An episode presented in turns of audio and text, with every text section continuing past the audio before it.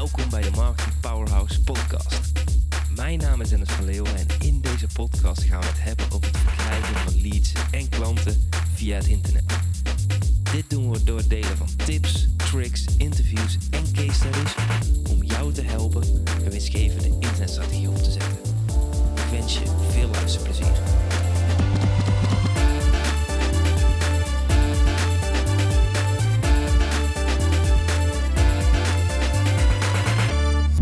Hey, leuk dat je naar deze nieuwe aflevering luistert. En heb je het gehoord? We hebben weer een geüpdate versie van de intro tune. En de laatste drie afleveringen van dit jaar, we zitten in 2017, wil ik graag gebruiken om te evalueren en na te denken over de acties die ik afgelopen jaar heb gedaan.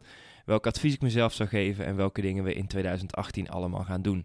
Dus vandaag heb ik dan ook een heel leuk onderwerp op de planning staan. En dat is welk advies zou je jezelf één jaar geleden geven? En deze opdracht heb ik eigenlijk al drie jaar op rij gedaan. Toen ik uh, gecoacht werd, zeiden ze ook aan het einde van het jaar van... probeer eens na te denken over de dingen die je allemaal gedaan hebt. De vette dingen die je hebt opgezet.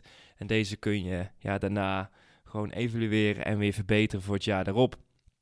En die vraag die, um, ja, is voor mij elk jaar weer heel interessant geweest. Omdat ik echt ging zitten. Dus ik pak dan een, uh, ik heb een mooie journal erbij. Ga, zet de timer op een half uur en ik ga gewoon alle dingen opschrijven die in me opkomen. En in het begin gaat het heel snel. Dan heb ik meestal een klein dipje en dan graaf ik verder, graaf ik verder, graaf ik verder. En dan schrijf ik meer en meer dingen op. Dus ik heb een hele lijst voor me liggen. En ik heb daarom besloten om uh, ja, de 15 mei op dit moment het meest aanspraken met jou te gaan delen. En ik wil je sowieso adviseren om eens echt na te denken over deze vraag. Ja, wat zou je jezelf voor advies geven als je één jaar terug de tijd in kon gaan? En daarom ga ik meteen door naar het uh, eerste punt. En het eerste punt is werk en vakantie gescheiden houden. 100% focus op één van de twee als je ergens voor gaat. Dus dit komt eigenlijk een beetje voort uit mijn uh, afgelopen jaar. Want dit jaar ben ik uh, in een fijne positie geweest dat ik veel uh, weg heb kunnen gaan. Dus ik ben ehm, een maand naar Bali geweest. Daarin heb ik helemaal niet gewerkt. Ik ben drie weken naar Italië geweest. Heb ik een lichte combo gedaan. En ik ben een maand naar Spanje geweest. Ik ben naar Valencia geweest en Malaga. En eigenlijk was het doel om te kijken in Spanje of ik werk en vakantie zou kunnen combineren. Want het digitale nomade-idee is toch een beetje iets wat altijd heel erg ja, overhyped wordt in onze branche. En ik wilde het toch echt zelf gaan ervaren. Dus daar zat ik in Valencia met mijn laptop. Uh, mijn vriendin was mee. We hadden een lekker Airbnb geboekt en het was gewoon heerlijk. Het zonnetje scheen. Maar iets in mijn systeem ja, liep gewoon een beetje vast. En ik had er in het begin heel veel moeite mee om dit te combineren. Want als ik bezig ben met het opnemen van een nieuwe podcast of ik ben een advertentietekst aan het schrijven, dan heb ik echt even de tijd nodig om uit te tunen.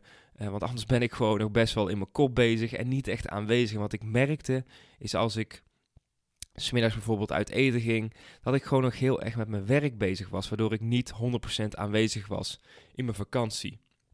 En dit zorgde ervoor dat ik een beetje gefrustreerd raakte van ja, ben ik hier, kan ik niet helemaal optimaal genieten, maar de andere kant ook, als ik aan het werk was, wist ik dat ik wegging later, kon ik me ook weer niet 100% focussen. Dus wat gebeurde er is dat ja, werk en vakantie en familie en natuurlijk mijn vriendin is gewoon het allerbelangrijkste. Maar ik kon eigenlijk op al die onderdelen mezelf niet volledig geven, waardoor ik mezelf gewoon vervelend en gefrustreerd voelde.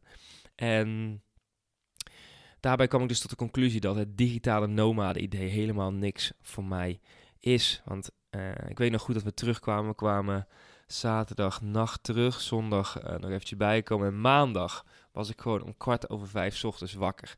Nou, nog een paar keer omgedraaid en uiteindelijk besloten om uit bed te gaan om half zes. En die dag zat ik zo goed in de flow dat ik gewoon van half zes tot acht uur s'avonds heb gewerkt. En volgens mij heb ik in die ene dag meer gedaan dan twee weken lang die combinatie tussen werk en vakantie. En toen dacht ik ook van ja, als ik wij spreken een week van dit soort dagen kan inplannen voor mezelf met deadlines, dan kan ik gewoon drie of vier weken zorgeloos op vakantie gaan. Want alles is ingepland, want alles geregeld is. Dus dat was voor mij een heel mooi inzicht om ja, de vakanties die ik ga ook echt als vakanties te pakken en niet de combo te pakken uh, tussen werk en vakantie. En dat, uh, ja, dat was voor mij een hele fijne conclusie. En ja, iets wat je eigenlijk niet zoveel in de, in de markt over digitale nomaadschap hoort.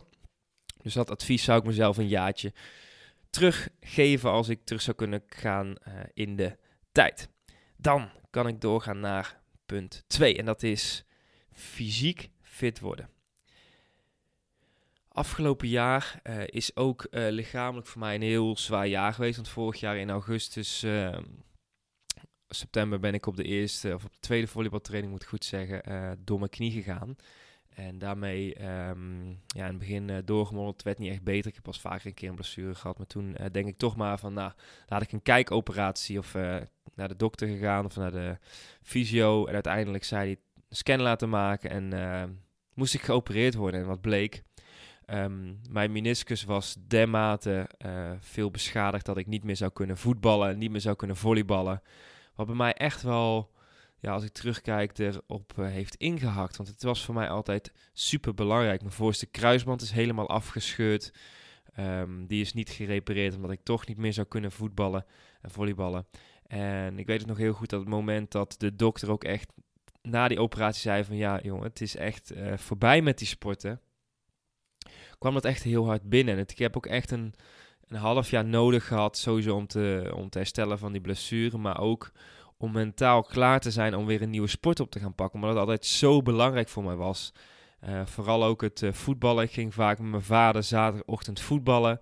En dat kan ik gewoon nu niet meer doen.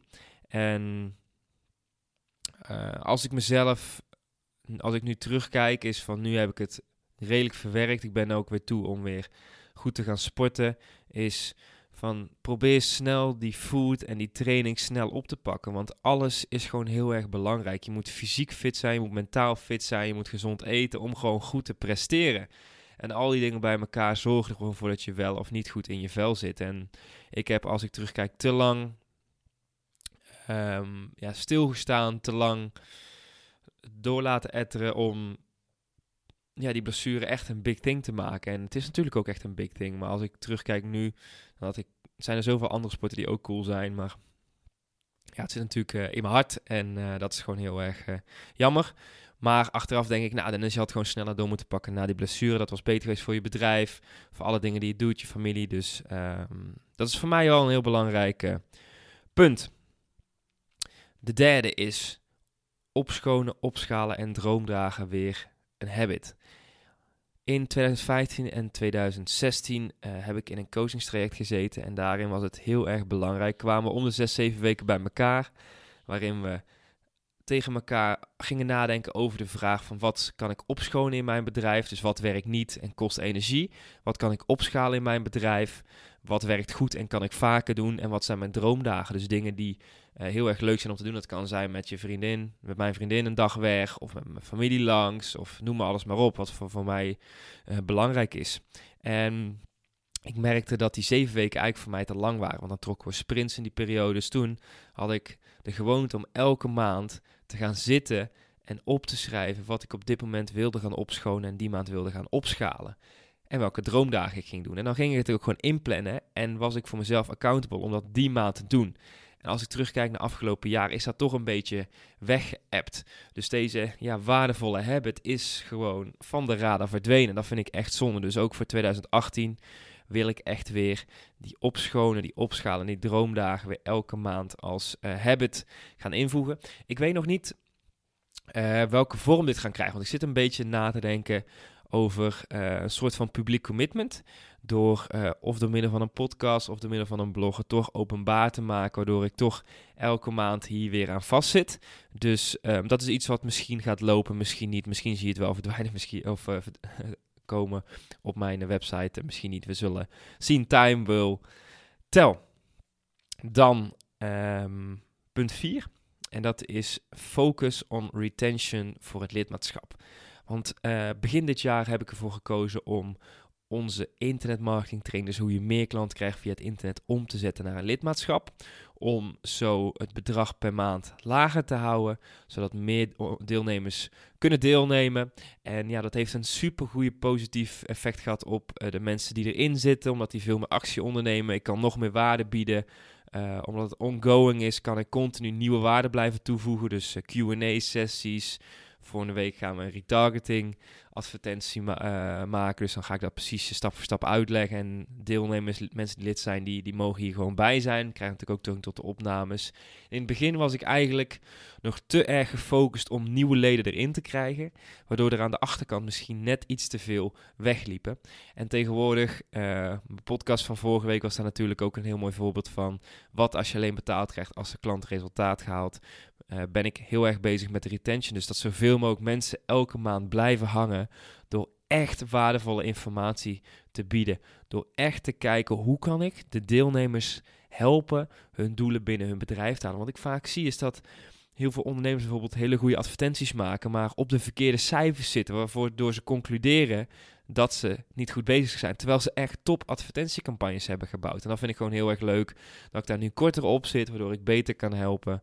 En als ik terug zou kunnen gaan in de tijd dit jaar, dan als ik mezelf advies zou kunnen geven, zou ik vanaf het begin af aan daar veel meer tijd aan besteden om uh, dit goed op te zetten. Kunnen we doorgaan naar het laatste punt? Dus ik had vijf punten voor jullie vandaag. En dat is uh, e-mail marketing automatiseren met acties en waarden. Afgelopen jaar is onze e-maillijst, nou ik mag wel zeggen, geëxplodeerd. En de gratis online training is voor mij altijd een hele belangrijke manier geweest om nieuwe klanten te werven. En ik voel in mijn systeem dat het dit jaar ook tijd is.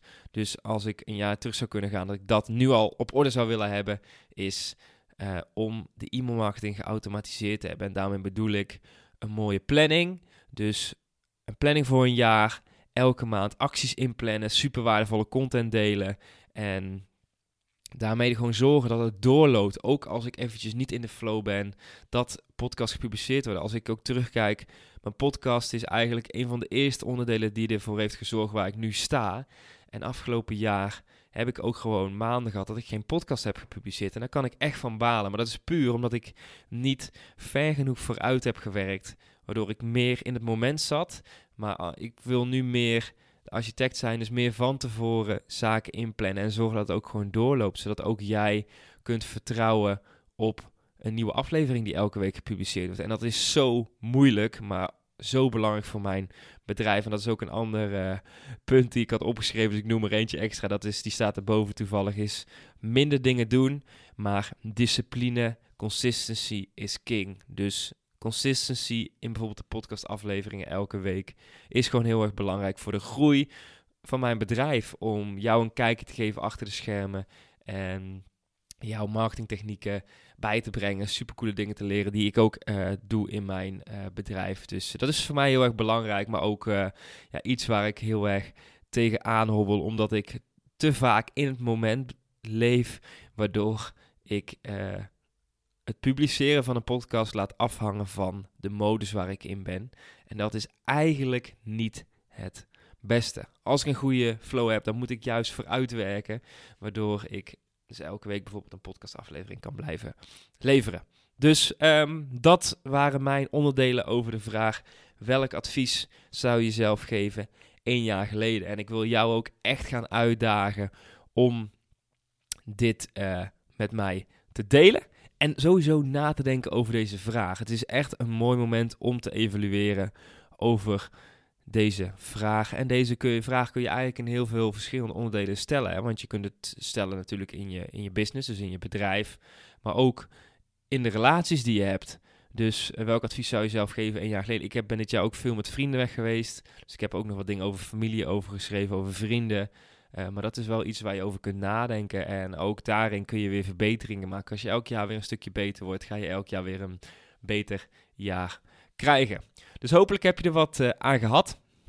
Ik wil je in ieder geval heel erg bedanken voor het luisteren. En dan uh, zie ik je graag volgende week bij de volgende aflevering. Bye bye.